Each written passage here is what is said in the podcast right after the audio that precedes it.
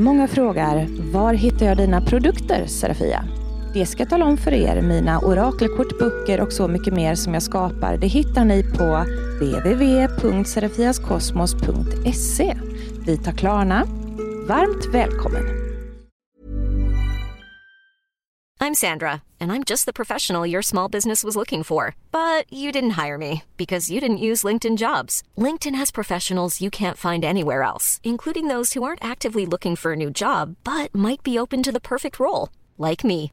In a given month, over 70% of LinkedIn users don't visit other leading job sites. So if you're not looking on LinkedIn, you'll miss out on great candidates like Sandra. Start hiring professionals like a professional. Post your free job on linkedin.com/people today. Innan vi drar igång med dagens avsnitt så vill jag faktiskt berätta en rolig sak för er. Jajamän. Den av er som inne i Facebookgruppen Övernaturligtvis gör ett inlägg som jag finner är det mest intressanta gällande eh, en upplevelse man har haft angående då andar eller telepatisk kontakt eller liknande. Någonting som följer temat i dagens avsnitt. Berätta er story. Förklara där vad ni upplevt eh, och tycker jag då att eh, det här inlägget, det var ju riktigt eh, intressant, spännande, kul eller bra. Då vinner den som har gjort inlägget en stycken kortlek som jag har designat, nämligen paranormala fenomen. Mm? En stycken sådan blir den som har gjort det mest intressanta inlägget enligt mig. Och ni andra som inte vinner ska inte bli ledsna för att era inlägg är säkert superbra också, men någon måste ju vinna och så är det ju alltid. Eh, undrar man då i övrigt, vad har du för eh, trevliga kortlekar och, och, produkter i din nätbutik eh, Serafia som du har skapat? Ja, då går man in på serafiaskosmos.se och så tittar man. Och nu är det ju snart jul, så jag tycker ju att ni ska köpa julklappar. Jag tycker det. Köp julklappar. Mm, nu lyssnar vi. Slut ögonen och hör min röst när jag räknar till tre så kommer du alltid varje månad vilja handla någonting ur min nätbutik. Och jag säger ett, två, tre. Och så kan du öppna ögonen igen. Mm. Lätt som en plätt. Kram från en liten hypnotisör.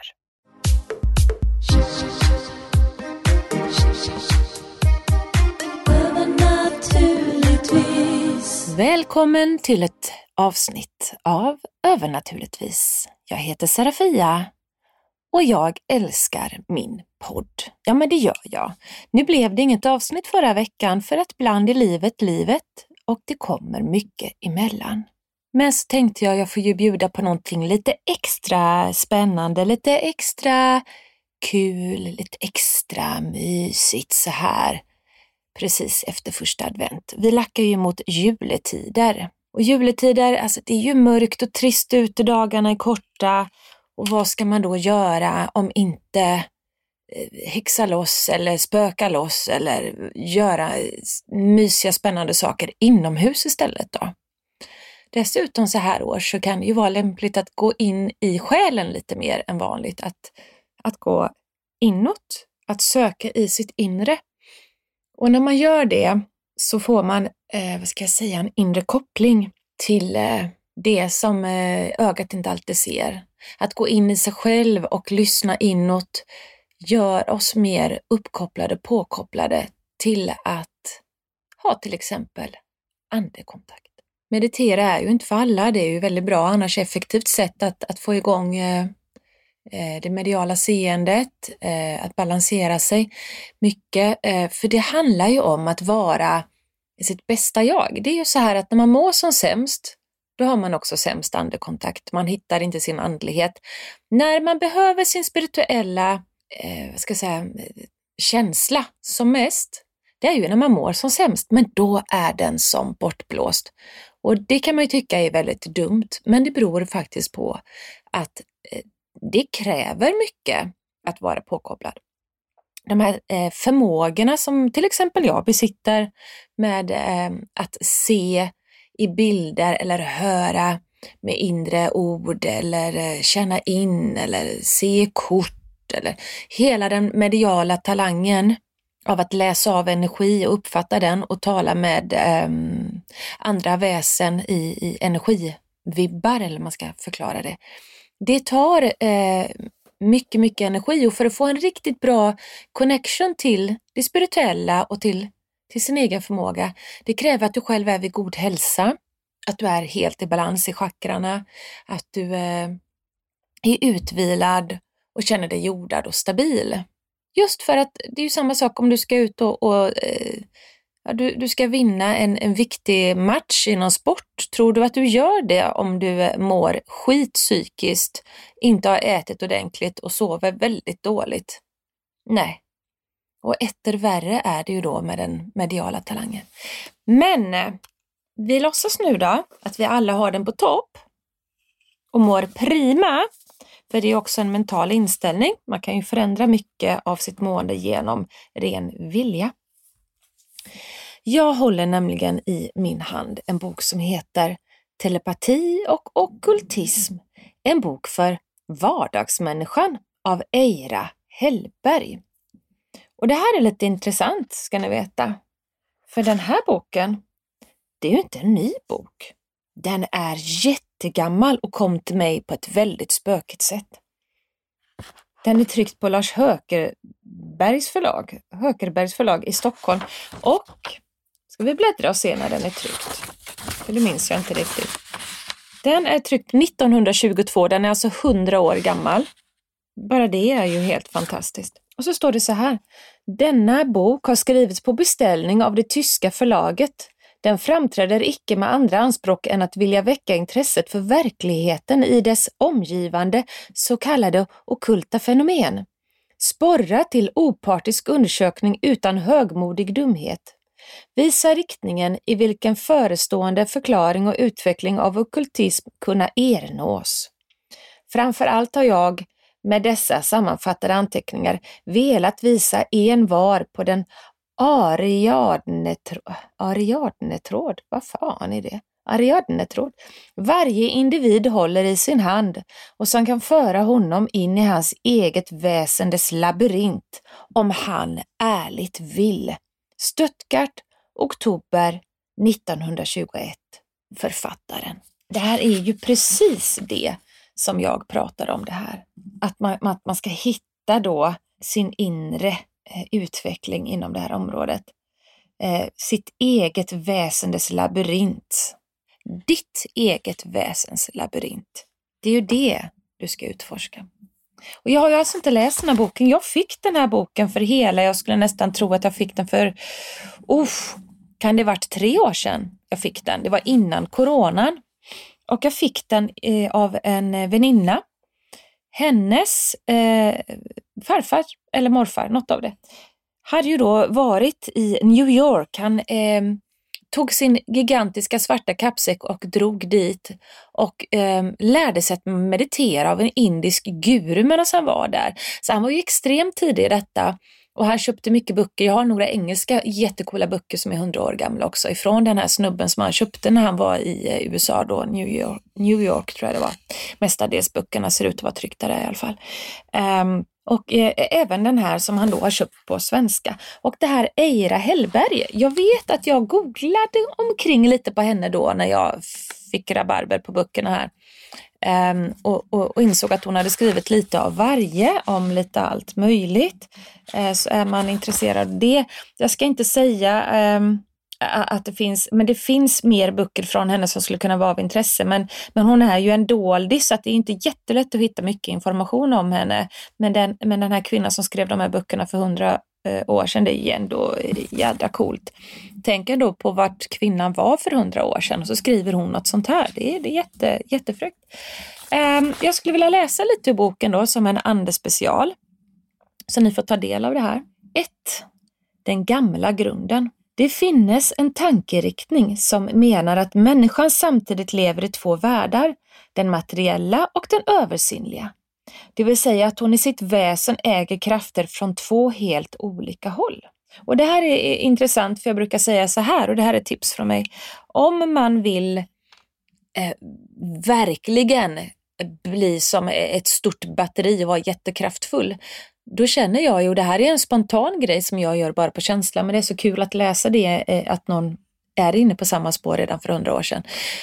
Att man känner att man jordar sig, man, man visualiserar att ens fötter och tår blir till rutter och grenar som gräver sig ner i, i jorden och, och man jordar sig och man tankar in urkärnan inifrån jordens mm, lavakraft liksom och, och Moder Jords trygga gamla visdom och liksom, åh vad stadigt man står. Känn det.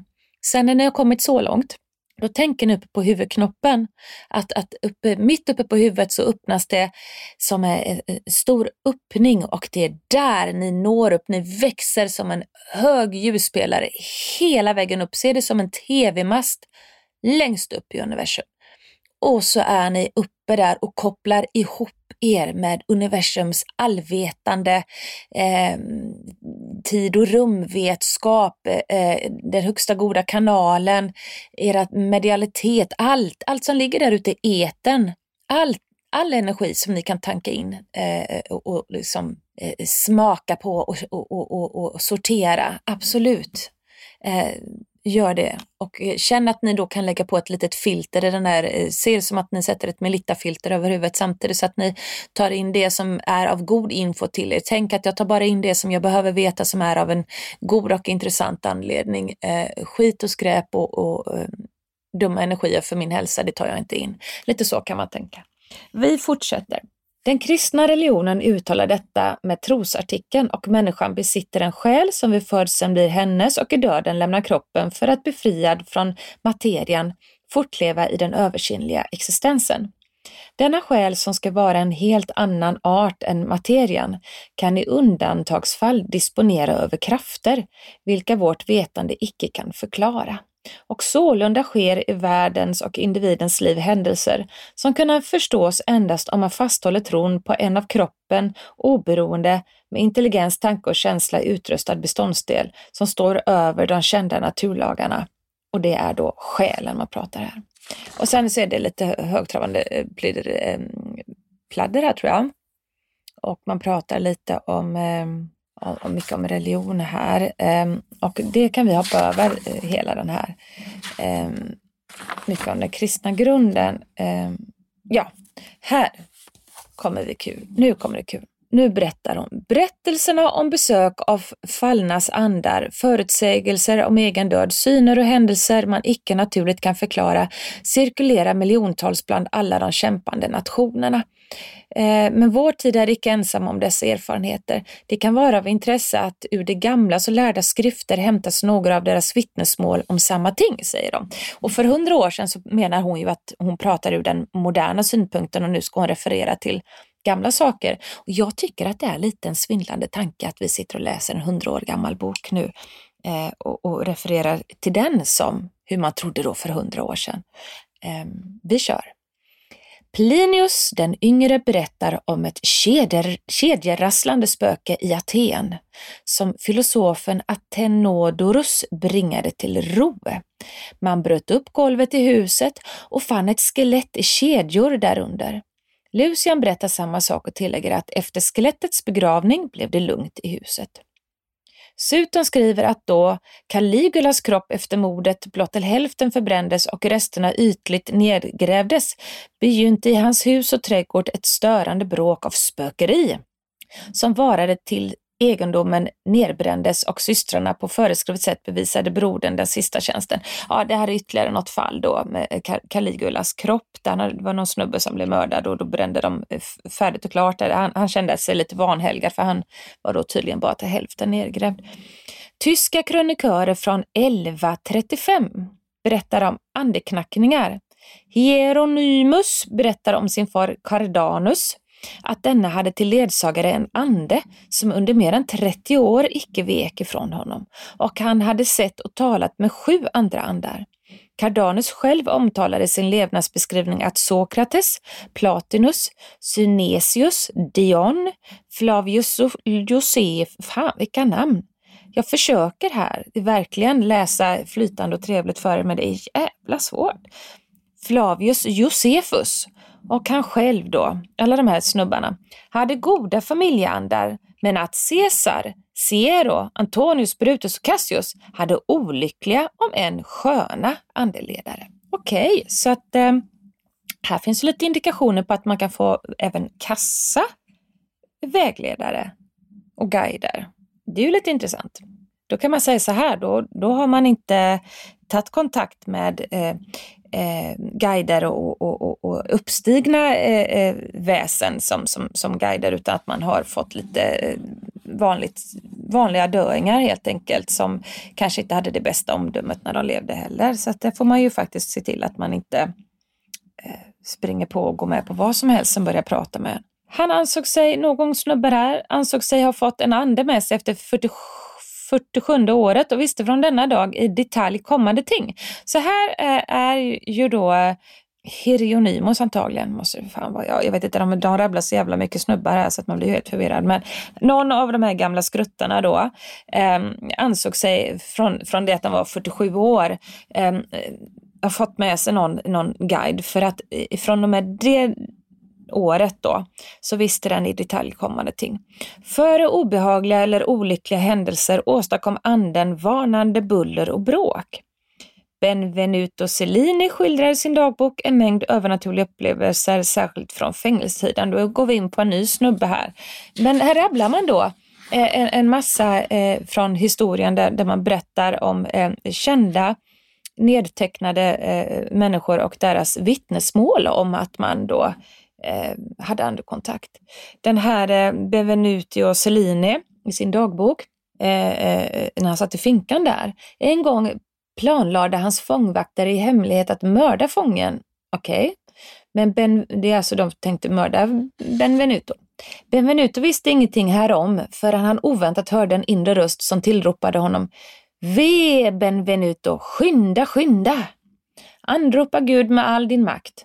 Benvenuto lydde och efter en stunds lidelsefull bön hörde han åter rösten tala Vila dig och frukta icke mer. Hans djupaste längtan under fängelsetiden var att få se solskenet och ofta erhöll han besök av en skön yngling som förde honom ut till en mur där han såg solen och mitt i dess sken Kristus på korset och jungfru Maria. Återförde sitt fängelse genom reglade dörrar och galler erhöll han plötsligt en dag vissheten om att hans tid i källarhålet var slut och han sade vakten att och han sade vakten att allhelgonadagen klockan fyra skulle hans fiender bli tvungna att föra honom ut därifrån. Så skedde. Han blev, men, men, men gud, jag vet inte vad som... Det är väldigt snurrigt skrivet, jag ska bara säga det. Det är jättesvårt att hålla tråden så att eh, vi kanske inte behöver gå in så jäklans mycket på. Men det, det är otroligt eh, mycket som står här om nedtecknade tidigare eh, saker då som man upplevt eh, på alla möjliga eh, håll och kanter i världen. Påven Bonifacius, eh, och så den femte tror jag det är, när det är ett V, befallde att biskop Adalbert som ägde tankeläsningens förmåga skulle hållas i livstidsfängelse. När Marie Antoinette i Trianons park mötte den henne då okände bryggaren Santerre greps hon av en oförklarlig skräck. Vid en långt senare eh, skeendet av avrättningen på henne kommenderade denne Santerre nationalgardet i Paris. Mm, så det var ju han som befallde att hon skulle mördas. Ja, hon hade en föraning. Kejsar Napoleon berättade i sina memoarer att general Lasalle mitt i natten skrev till honom och bad få överflytta sin förläning på sin son emedan han hade en bestämd aning om att han icke skulle överleva morgondagen. Han föll också i slaget följande dag. Ja, Eh, ska man ut och kriga kan man i och för sig, måste jag ju då säga, eh, vara ganska fett säker på att det går åt helvete. Men eh, ändå. Här kommer vi till någonting i mina gamla hemtrakter. Historien om Swedenborg som i Göteborg minut för minut iakttager Stockholms brand är väl förkänd för att här behöver återges, säger människan. Men vad fan, det vet inte vi? Vi kanske vill höra mer här om Swedenborg. Ja, då får vi googla detta. Swedenborg, eh, Stockholmsbrand. Ehm, jag, jag skulle, vilja, skulle vilja tro att han satt såg allting från eh, Göteborg och sa att nu brinner det i Stockholm. Och på den tiden fanns det ju varken tv eller mobiltelefoner eller någon telegraf. Så att, eh, det fick han ju rätt i då dagen efter antagligen när beskedet nådde göteborgarna. Ja, sen finns det en, en himlans massa mer eh, historier här men jag tror vi ska hoppa dem nu. Det är dubbla med I'm Sandra, and I'm just the professional your small business was looking for. But you didn't hire me because you didn't use LinkedIn jobs. LinkedIn has professionals you can't find anywhere else, including those who aren't actively looking for a new job but might be open to the perfect role, like me. In a given month, over 70% of LinkedIn users don't visit other leading job sites. So if you're not looking on LinkedIn, you'll miss out on great candidates like Sandra. Start hiring professionals like a professional. Post your free job on linkedin.com/people today. When you're ready to pop the question, the last thing you want to do is second guess the ring. At Bluenile.com, you can design a one of a kind ring with the ease and convenience of shopping online. Choose your diamond and setting. When you find the one, you'll get it delivered right to your door. Go to Bluenile.com and use promo code LISTEN to get $50 off your purchase of $500 or more. That's code LISTEN at Bluenile.com for $50 off your purchase. Bluenile.com code LISTEN. Medvetandet är kapitel nummer två i den boken. Teosoferna talar om själens reinkarnationer. Det förklarar de ofta återkommande plötsliga erin, ering, erinringar, men vad i helvete, erin. Så säger inte vi nu för tiden. Jag tror att de stavade lite annorlunda för. Man erinrar någonting. Ja, det här med att man erinrar eh, blixtlika minnen av personer och situationer. Eh, att, att, att vi liksom på något sätt känner att det är jag, men i en annan kropp och eh, i en annan händelse. Eh, det har jag ju själv eh, varit med om. Att jag får eh, eh ganska relativt korta eh, sekvenser där jag ser att det är minnesbilder. Det är inte att jag får en syn eller vision utan det är eh, minnesbilder precis som när jag tänker tillbaks på en julafton när jag var liten och fick en liten moshishi och du vet sådana vanliga minnen. På samma sätt. De kommer till mig när jag drömmer. Då får jag eh, tidigare livminnen. Och, eh, men tyvärr har det varit väldigt starka, tragiska ett där jag står naken med alla mina barn i olika åldrar och dessutom är gravid. Eh, står vi allihopa nakna avklädda i ett eh, rum och så kommer det in soldater med, med gevär och tittar på oss och sen vaknar jag upp ur det minnet då. Men det var, det var inget trevligt. Jag tror att vi eh, fick ta av oss alla kläderna och så blev vi väl slaktade där inne i rummet då. Eh, antagligen för att eh, karln man var ihop med var, var någon som skulle mördas och så strök hela familjen med antar jag. Det var någon, någon form av krig för länge sedan. Um, och sen så har jag ett minne när jag var uh, mörk, afrikansk uh, slav uh, i, i USA och jag var då någon form av hushållerska eller kokerska och sen um, lite mer upp, uppstående militär i hans cottage eller vad man ska säga. Och han var så fruktansvärt rasistisk och eh, hemsk mot mig och jag, jag minns den här scenen när jag har stått och lagat mat hela dagen. Jag, eh, när, minnet är när jag kommer in i det här så minns, liksom, är det så att jag har slitit med den här maten för att eh, det gäller att hålla den här snubben nöjd. För annars blir han fruktansvärt elak. Så att jag, jag vet att jag stått där och slitit med att maten ska vara god och perfekt och, och, och verkligen liksom lagt min själ i det. Eh, ser han eh, komma genom fönsterrutan över ett eh, gräsfält upp mot huset, kommer in och jag säger ehm, då ehm, på engelska att jag har maten färdig min herre och, och liksom så här då försöker vara till lags.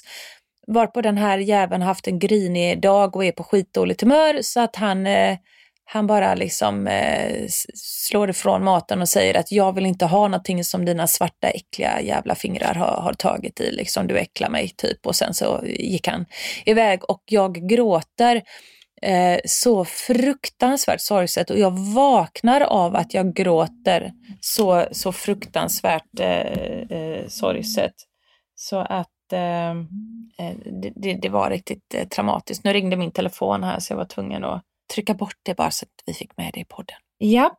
Eh, så att det här med tidigare liv, det är, det är ju väldigt intressant. Ehm, och sen när man då går in på telepatin, ehm, lite, lite längre fram här. Jag har ett trevligt minne kan jag säga. Ett trevligt minne från ett tidigare liv. Det var jag kille och jag står inne i, någon form av laggårdsbyggnad, en, en, väldigt gammal laggårdsbyggnad och jag kan se ut till gårdsplan och ett, ett, bostadshus där utanför. Men jag står lite in, intryckt i en smuck där inne eh, och det finns någon liten eh, skänk eller steg eller vad fan det är. Och ja, eh, jag har sex. Ja, det här var en väldigt kort eh, sekvens, men jag eh, står ju där med sleven i grytan eh, med någon som, som sitter där på något sätt, eh, på något, sitter framför mig på någon skänk eller någonting och jag har då sleven i grytan och eh, eh, är väldigt exalterad. Och det här var bara någon liten sekvens och jag vaknar upp och utbrister för mig själv när jag vaknar att fy fan vad orättvist. Är det så skönt för killarna? Eh, och tyckte mig då upplevt att det var eh, en exaltering och njutning som var lite beyond kanske mycket av det, även om man då har haft väldigt trevligt som kvinna. Det ska jag inte säga att jag har haft något torrt sexliv. Nej då, absolut inte. Men det var den där extra, det var någonting och jag har ju funderat på det efteråt om det är så att det är lite orättvist att de har det något skönare bara för att de också ska vara lite mer villiga att föröka sig. Att, att den här driften att ha sleven i grytan. Um, för att män är väl i det primitiva stadiet kanske inte lika att de längtar efter barn på samma sätt som kvinnan längtar efter barn och därför eh, kanske de många gånger också tänker att vad trevligt med en slev i grytan. Eh, såklart längtar de efter sex, men vi har ju den där längtan, modersinstinkten av att vi bara känner att vi dör om vi inte får ett barn. Många av oss har den, inte alla, men, men många har ju känt det där att man kan inte längta nog efter eh, ett litet knyte i famnen. Medan eh, killarna kanske känner den kärleken lite starkare när de väl håller sitt knyte i famnen. Att kanske behöver de då ha den här eh, att det är så jädra gött att de tappar fattningen och tycker att sleven i grytan, är, det kör vi på även om det är en dum idé just nu. Ja, jag vet inte, det här är ju en teori som jag någonstans har laborerat fram lite efter det här att jag fick den tidigare livminnet och blev sned. På riktigt. Blev jag sned för att det var strået vassare eh, där för killen. Det var inte okej okay, tyckte jag. ja, herregud. Eh, och då kan ni förstå ni som har haft det riktigt, riktigt gott som tjej, för det har jag haft många gånger. Och har man det då eh, så här galet eh, bra som tjej i sexet, ta och vri upp det tio kanaler till då, så har ni vad den snubben kände den gången i mitt minne. Det var, det var inte okej. Okay. ja, nog om det. Eh, för att eh, vrida, eh, vrida igång kanalen här lite grann igen och få, få ehm, eh, få, få, till det här eh, avsnittet in, innan vi ska eh, lägga ner det. Eh, det var ju det här att jag ville, jag ville få, få ihop någonting om telepati, för det, det är ändå det som boken heter här också. Och jag, jag bläddrar lite här nu får vi se om jag kan hitta någonting. Det, det, det är väldigt mycket som, som är faktiskt här från hypnotism och hypnos, sömn och det står en massa intressant i den här Eh, Eh, men hon hänvisar hela tiden då, eh, i stort sett säga, till gamla saker som hon har hittat i historien som eh, här. Nu har vi telepati. Då undrar jag vad de anser är telepati. Um, Okej, okay. mm, nu ska vi se. Här är jag mediala som får liksom... Uh, uh, uh, nu ska vi se. Spågummor och det är grejer ett telepatiskt medium. Nej, men alltså när jag skummar igenom texten här eh, så måste jag säga att det de tycker är telepati här är nog inte riktigt det som jag anser är telepati. För de pratar om ett telepatiskt medier. Eh, mm, för den telepatiskt tränade är luften full av ohörbara tonvågor i vilka man dragit till sig de ensamma melodier som passar in i ögonblickets symfoni, skriver de. Ehm, um, Marshal Bassompierre, Marshal Bassompierre berättade sina memoarer om kung Henrik ehm, 1V. Vad fan är det? Den fjärde eller den sjätte? Jag är kass på romerska siffror och jag svär mycket i det här avsnittet. Jag ber om ursäkt. Det finns väl någon mening med det med kanske. Um, att han sam... Den, gud, jag fastnar i de här konstiga namnen och konstiga bokstäverna så jag får ju inget flyt. va. Marshal Bassompierre berättade sina memoarer om kung Henrik ett, ett V att han samma dag han mördades uttalade sin övertygelse om att han skulle dö inom de närmsta dagarna. Och kungens vän och minister Sully säger i sin krönika att denna aning varit så länge och blev allt starkare ju närmare borddagen kom. Så att då blev han mördad då med andra ord. Uh. Uh, men då säger jag så här, uh, det där det anser inte jag är telepati. Så att jag slår ihop den boken nu lite grann och uh, så, så, att ni får något mer matnyttigt än än bara att jag läser väldigt eh, osammanhängande ur den här boken som ändå är himla rolig. Men jag känner att i och med att språket är lite bak och fram på och alla de här namnen rabblas så är det oerhört att eh, oerhört svårt att återge det eh, korrekt på något sätt för er lyssnare. Telepati. Vad anser jag är telepati? Ja, men jag har ju upplevt telepati, alltså på riktig, riktig telepati, bara vid ett tillfälle. Och då är det eh, när eh, du får svar av eh, någon annan eh, svarar dig inne i ditt huvud av att du, eh, du tänker svaret fast du vet att det är inte du som tänker tanken. Så att man, man tänker tankar inne i någon annans huvud kan man säga. Så att det, det var en väldigt märklig känsla. Eh, det var då jag, jag har ju berättat om det här mötet med en alien men det var ju det här med att jag, jag han tänka en tanke när jag såg den här varelsen, vad är det? Och då får jag eh, en tanke som svar. Och då sa den ju alien. Och det var inte jag som svarade alien. Det var inte heller att jag fick till mig det här, åh oh, jag känner att jag är en alien eller jag får till mig att det, utan det var en tanke. Och jag eh, eh frågade något, fick ett svar till i att eh, jag kände att du pratar med mig i mitt huvud, men det är ingen röst, det är inga bokstäver, det är inget språk, det är tankar. Det är telepati. För då får du svaret via dina egna tankar. Det är språklöst kan man säga. Telepati är språklöst. Det är som att du får svar i dina tankar på ditt egna språk. Även om en aliens 100% inte pratar svenska. Eh, så det var någon slags mind control där lite grann, eh, vilket jag tycker är väldigt intressant. Men, men spöken och andar då? Andar, spöken. Vad är det absolut spökigaste jag varit med om? Nej men det är väl när saker flyttar sig. Det är väl när, när, när, när jag mitt framför ögonen. Jag har ju sett en stor tung järnhylla bara börja gunga framför mig. Eh, eh säkert tio år innan jag eh, var med i Spökjakt. Men eh, i Spökjakt då, eh, säsong tre, där jag medverkar som medium, ehm, där eh, välte faktiskt en stol. Alltså helt oförklarligt välte denna stolen. Eh, och det var när jag var på väg att gå emot den för att verkligen, jag blev exalterad och gick rakt emot stolen för att visa en sak som stod bakom stolen. Eh, med, eh, medverkaren, eller vad man ska kalla det, eh, Danjal, som också är med i säsong tre, ehm, han gick ju också emot stolen samtidigt och skulle också gå fram till ett fönster bakom och visa det här föremålet som vi kände var negativ energi.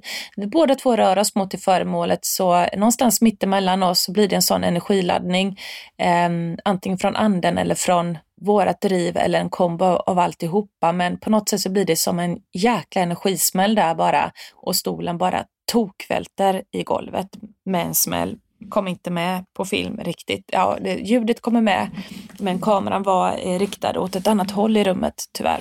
Eh, och det där, det där är intressant eh, och det, det hände andra saker eh, när vi var iväg där också. Men det var också en sån där grej att när stolen full, det vet jag att det, det fanns ingen i världen som hade kunnat rigga det. det var, jag vet ju att det inte var fejk. Eh, så därför kan jag eh, riktigt liksom känna att stolen välte, punkt till slut. Eh, och ja, det stod en lampa på den, men den vägde typ ingenting. Alltså den var inte ens i närheten så tung att även om du lutar den lite mot stolsryggen så kan inte en hel stol vänta välta liksom. Det finns ing, ingen sån vikt i den lampan som gör att en hel stol välter. Så att det, det, var, ehm, det var ju en sån här sak. Ehm, så att visst, när andar ehm, samlar ihop sin kraft så att, så att de kan rikta den på ett sätt som gör att de faktiskt kan flytta föremål eller välta saker. Det är, det är intressant. Och eh, då tänker jag så här, om en ande kan utan händer flytta och välta och riva och ha sig, då eh, måste ni förstå att även en levande människa som har kroppen som batteri borde kunna flytta saker jädrans lätt också, bara med att, att ta sin energi och, och knuffa energin liksom eh, ut ur kroppen. Eh, ungefär som att ni, ni prövar med något väldigt lätt föremål och eh, sitter inte bara och tittar på det, nu ska du flytta dig, utan att ni känner lite mer att ni laddar, försök visualisera. Visualisering är ju ett sätt att styra energi. Visualisera att ni laddar upp som en jädrans eh, eh, eldklot, eller på sagt, med ett energiklot i händerna.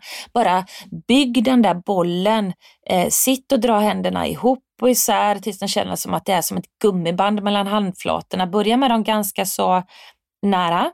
Ta era händer och, och eh, eh Känn energin i handflatorna först. Låt det liksom puttra lite i handflatorna. Känn så jag ber om energi i mina handflator i handchakrat.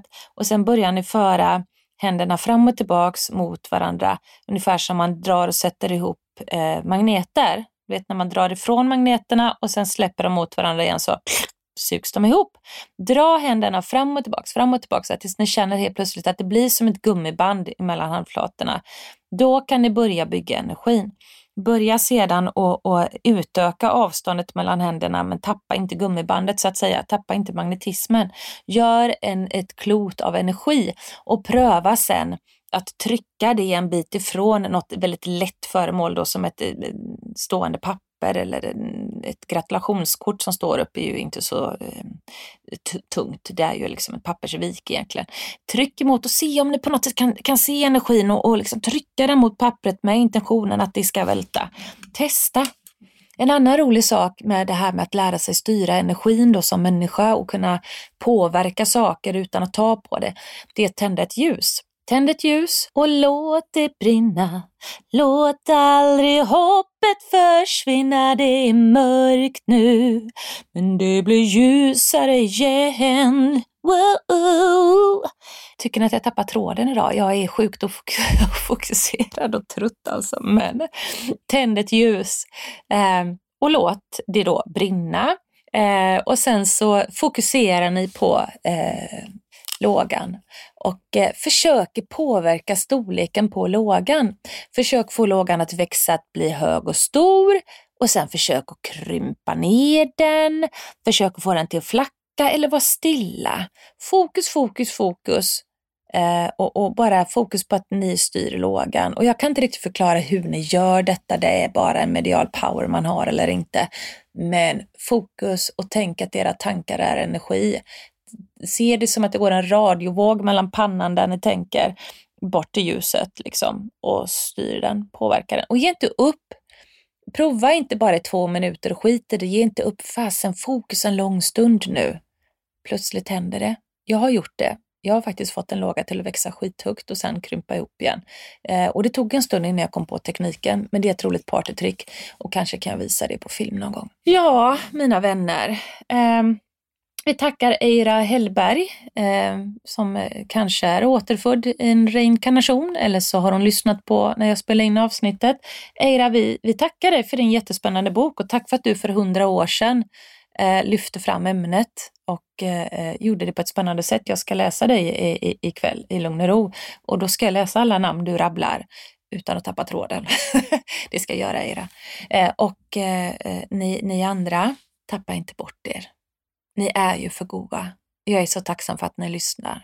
Och snälla tipsa gärna alla era vänner om att lyssna på podden. För det är så man klättrar på poddlistan. Det är att man får nya lyssnare. Jag ligger stadigt på samma lyssnarantal eh, och det är jag jättetacksam för. Det, det är jättefräckt. Eh, men eh, ju fler nya som lyssnar, det är ju tydligen så man klättrar på listorna. Så tipsa alla ni känner om att lyssna på Över naturligtvis och be dem lyssna från säsong ett, första avsnittet fram tills eh, nu helt enkelt. Det var väl allt ifrån mig. Och sa jag det inte förut så säger jag det igen, tappa inte bort det nu. Månbröder och solsyror. Tills vi hörs igen. Hej då!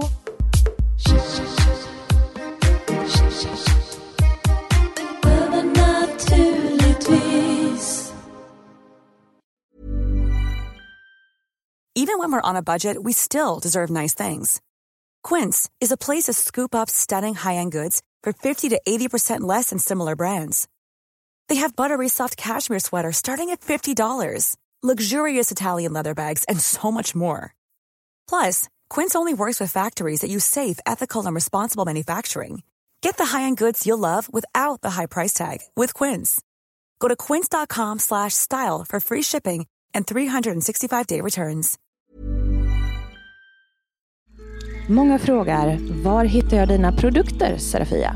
Det ska jag tala om för er. Mina orakelkort, böcker och så mycket mer som jag skapar, det hittar ni på www.serafiaskosmos.se. Vi tar Klarna. Varmt välkommen!